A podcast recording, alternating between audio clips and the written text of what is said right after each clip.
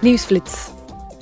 Onderhandelaren van het Europees Parlement en van de Raad hebben deze week een akkoord bereikt over een nieuwe regeling die de geografische aanduiding van traditionele ambachten moet beschermen.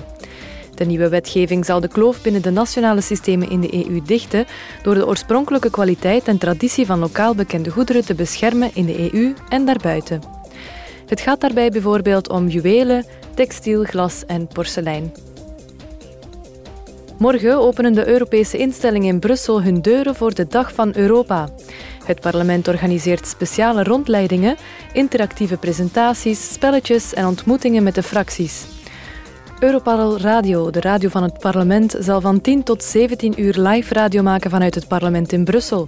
De feestelijkheden ter gelegenheid van de Dag van Europa gaan door op 9 mei in Luxemburg en op 13 mei in Straatsburg. Maandag begint in Straatsburg een nieuwe plenaire vergadering van het parlement.